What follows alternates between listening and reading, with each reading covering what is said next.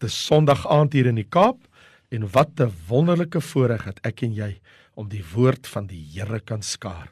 So maak oop jou Bybel as jy hom by jou het en as dit vir jou moontlik is, ons lees saam in Hebreërs hoofstuk 9 vers 15 tot 17. En daarom is hy, dis Christus, middelaar van 'n nuwe testament sodat terwyl daar 'n dood plaasgevind het vir die verlossing van die oortredinge onder die eerste testament die wat geroepe is die belofte van die ewige erfenis kan ontvang.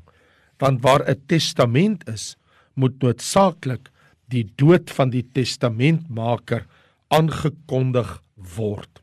Want 'n testament is geldig by sterfgevalle aangesien dit nooit van krag is solank as die testamentmaker nog leef nie. So Wanneer ons gaan kyk na die woord, kan ons baie duidelik sien hierdie is die testament van die gebrokenis, hierdie nuwe verbond, want daar word vertel van 'n sterwe. Kom wat ek dit vir jou so stel. Ek en jy wanneer ons die woord van die Here lees, dan vind ons heerlike goddelike waarhede wat aan ons geopenbaar is. Die woord van die Here sê hy is middelaar van 'n nuwe testament. So kom ek vra, waar word van die nuwe verbond, die nuwe testament, die heel eerste keer ooit gespreek in die Bybel? Waar? Dit was in die Ou Testament. Watter boek? Die boek Jeremia. Watter hoofstuk? Jeremia hoofstuk 31. Hy sê van vers 31, 31 31 Jeremia. Kyk daar kom daar spreek die Here dat ek met die huis van Israel en die huis van Juda 'n nuwe verbond sal sluit. Nie soos die verbond wat ek met hulle vaders gesluit het op die dag toe ek hulle hand gegryp het om hulle uit Egipte land uit te lei nie my verbond wat hulle verbreek het. Alhoewel ek gebieder oor hulle was, spreek die Here. Maar dit is die verbond wat ek na die dae met die huis van Israel sal sluit, spreek die Here. Ek gee my wet in hulle binneste en skryf dit op hulle hart en ek sal vir hulle 'n God wees en hulle sal vir my 'n volk wees. So in die Hebreëse geskrifte in die Ou Testament getuig die profeet Jeremia my verbond wat hulle verbreek het in vers 32 daarom gaan ek 'n nuwe verbond met hulle sluit. Daai beloofde nuwe verbond is gebore uit gebrokenheid. Daarom praat ons van 'n testament van die gebrokenis. Van hierdie nuwe verbond is gespreek in die dae van Jeremia toe die land Israel in verwoesting gelê het as gevolg van God se oordeel wat reeds oor hulle voltrek was. Die volk het almal gesondig. Almal het sy voorskrifte verbreek. Almal het tot 'n val gekom. Die nuwe verbond word ook aan almal gegee wat hulle sonde bely. Almal wat tekort geskiet het. Almal wat dit nie verdien het nie. Die krag van die nuwe verbond lê dus hierin. Dit is gegee om heel te maak wat stikkend is, om te herstel lewens wat gebroke is. Jesus Christus het dit self ingestel die aand van sy verraad toe Jesus in Matteus 26 vir sy disippels sê terwyl hulle eet neem Jesus die brood en nadat hy gedank het breek hy dit en gee dit aan sy disippels en sê neem eet. Dit is my liggaam. Dit het gebeur tydens die pasga maaltyd hy sê vir hulle die brood en hy het dit nog nooit voorheen gedoen nie. Hy het mos hulle al baie, hy het al 3 jaar in 'n ry met hulle pas gehad en hy het dit nooit voorheen gedoen nie. Maar nou sê hy vir die eerste keer vir sy disippels iets wat hy nog nooit gedoen het met 'n pasgamaaltyd. Hy sê neem eet. Dit is my liggaam. Toe neem hy die beker en nadat hy gedank het, gee hy dit aan hulle en sê drink almal daaruit. Almal moet hieruit drink want dit is my bloed. Die bloed van die Nuwe Testament wat vir baie uitgestort word tot vergifnis van sondes. So Jesus is die middelaar van die nuwe verbond. Hy het dit bemiddel. Die gebroke liggaam van Jesus verkry 'n nuwe verbond vir die gebrokenis. Dis wat hier staan in vers 15 van Hebreërs 9. Daarom is hy middelaar van 'n nuwe testament. Waar 'n testament is, moet die dood aangekondig word. Testament is alleenlik geldig by sterfgevalle, nie solank die testamentmaker lewe nie. So Christus, die nuwe verbond, die nuwe testament sien die lig op Golgotha sluit God 'n totaal ander verbond wat verseël is met die dood van sy seun, 'n nuwe verbond met hulle wat glo. Israel het nie gehou by die eerste die ou verbond, die wetsverbond nie. Nou stel die Here 'n nuwe verbond in werking, nie net met Israel nie, maar met die hele wêreld soos wat ek en jy sien in Markus 16 vers 15. En hy sê vir hulle gaan die hele wêreld in en verkondig hierdie evangelie, hierdie goeie nuus aan die ganse mensdom. Gaan vertel die wêreld wat ek gedoen het. Gaan vertel die mensdom wat gebeur het. Gaan vertel alle volke, nasies en tale, alle kleure en geure, Alle raak my nie, smaak my nie mense. Almal, alle mense, alle volke, alle tale. Hierdie evangelie is vir alle mense, die ganse mensdom. Almal wat mens is, deel met hulle hierdie goeie nuus. So die inhoud van hierdie erfenis, die erfgename van die Nuwe Testament vind dit is 'n ewige erfenis. Want Hebreërs 9 vers 15 sê het ons verlossing ontvang die belofte van die ewige erfenis. Dis nie 'n tydelike saak nie. Dit is 'n ewige saak. Hierdie erfenis is gewis en seker. Miskien sal jy wonder, Maar hierdie erfgename van hierdie testament, wie kan dit almal wees? Wel Romeine 8 verduidelik vir ons daarvan vers 14 af. Almal wat deur die gees van God gelei word, die is kinders van God. Julle het nie ontvang 'n gees van slawerny om weer te vrees nie, maar julle het ontvang die gees van aanneming tot kinders, deur wie ons roep Abba Vader. Die Gees self getuig saam met ons gees dat ons kinders van God is. En as ons kinders is, dan ook erfgename. Erfgename van God en mede-erfgename van Christus as ons ook saam met hom ly sodat ons ook saam met hom verheerlik kan word. So wie is die erfgename?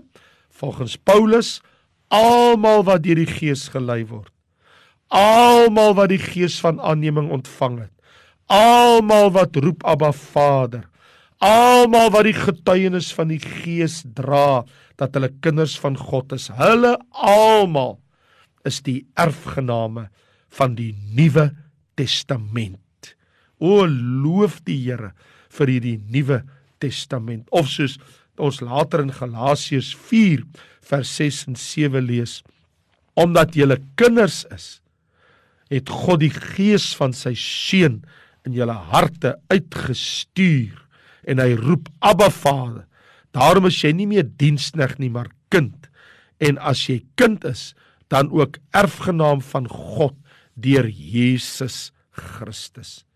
Baie wonder maar waar word hierdie erfenis van ons dan nou bewaar?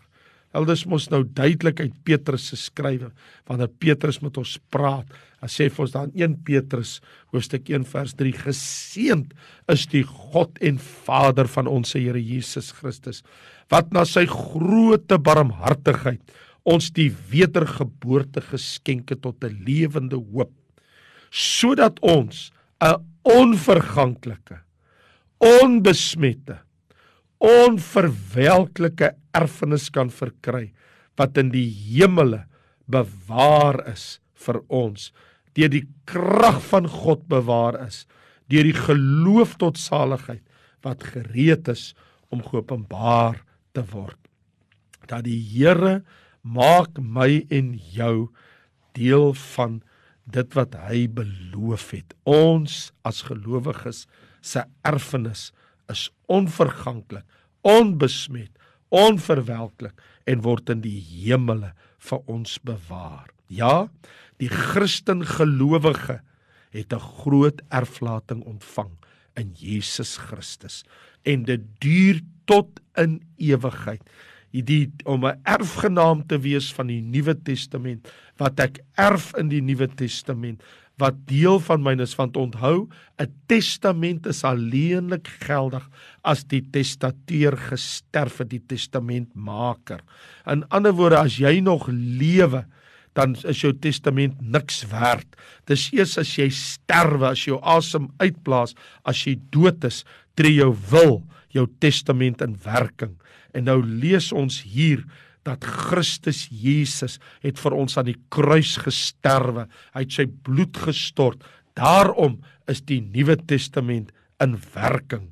Ja, die een tergende vraag wat by baie bestaan is, maar wat gaan ons erf? Wel in die eerste plek gaan ek niks ontvang wat God nie reeds in Christus beloof het nie. Wat het hy beloof? Hy het reeds beloof in Efesiërs 1 vers 3 Geseend sê Paulus is die God en Vader van ons Here Jesus Christus wat ons geseën het met alle geestelike seënings in die hemele in Christus. So, wat erf ons as kinders van die Here? Wat is in die Nuwe Testament? O, oh, daar's baie. Kom ek sê vir jou, een van die dinge is dat die kinders van God is erfgename van die Nuwe Testament. En dit beteken dat die testateur Jesus Christus het vir ons 'n erflating nagelaat en die erfgename is alleenlik wedergebore kinders van God aan almal wat hom aangeneem het aan hulle het hy mag gegee om kinders van God te word jy moet 'n kind van God wees om 'n erfgenaam van die Nuwe Testament te wees en jy kan alleenlik 'n kind van God wees as jy na Christus toe kom met belydenis van jou sonde. En die vraag is natuurlik, so wat is ons as erfgename se erfporsie? Wat gaan ons kry? Wel ten eerste het Jesus toe die testament daar gestel het, toe sê hy totale vergifnis en uitwissing van die erfgenaam se sondes toe hy mos gesê het dit is my bloed wat vir baie uitgestort word tot vergifnis van sondes. Dis wat ek en jy ontvang vergifnis van ons sondes. Ons soos wat ons sien in Handelinge 13 vers 38 laat dit aan julle bekend wees broeders. Dis nou gelowiges. Dat deur hom Christus vergifnis van sondes aan julle verkondig word. So wat ek en jy ontvang is vergifnis van sonde. Die tweede ding is 1 Johannes 5 vers 12 sê ons het die ewige lewe ontvang. Dis wat ek en jy ontvang het. Waar hy sê hy wat die seun het, het die lewe. Die konteks praat van die ewige lewe. Hy wat die seun van God nie het nie, het nie die lewe nie. O, prys die Here. Ons het vergifnis van sondes, ons het die ewige lewe ontvang en op die koop toe ook die Heilige Gees ontvang in ons harte as deposito, as onderpand van nog vele dinge wat God vir ons in die toekoms gaan gee want in Efesiërs 1 verduidelik Paulus wanneer hy van vers 13 sê en wie julle nou dat julle die woord van die waarheid die evangelie van julle redding gehoor het in wie julle nou dat julle geglo het verseël is met die Heilige Gees van die belofte wat die onderpand is van ons erfdeel om sy eiendom te verlos tot lof van sy heerlikheid. So waarlik waar ek en jy het die Heilige Gees ontvang. Jesus het ook beloof in Johannes hoofstuk 14 en ek gaan weg, maar ek sal die trooster, die Heilige Gees na julle stuur. Behalwe vergifnis van sonde, behalwe dat ons die ewige lewe ontvang het, behalwe dat ons die Heilige Gees ontvang het, sê Jesus in Johannes 14, kyk ek gaan vir julle plek voorberei en as ek klaar kom haal ek julle dat julle kan weet waar ek is, want in die huis van my Vader is daar baie woning. So dan wag vir my en jou 'n heerlike woning in die hemel wat God vir ons voorberei. En dis nie al nie. In Filippense hoofstuk 3 ontdek ons dat die Here gaan vir ons 'n onsterflike nuwe verheerlikte liggaam gee. Wanneer Paulus vir ons verduidelik in Filippense 3, want ons burgerskap is in die hemele van waar ons as verlosser verwag, die Here Jesus Christus.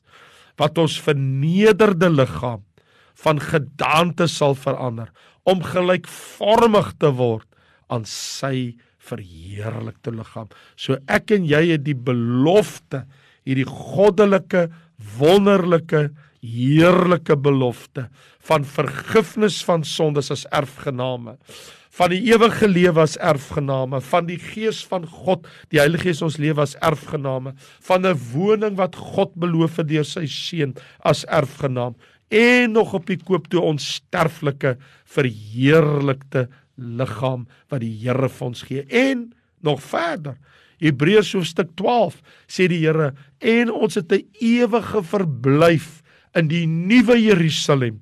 God gee vir ons die Godstad. En Jesus op Openbaring 2 en 3, ek skryf die naam van die nuwe Jerusalem op jou voorhoof.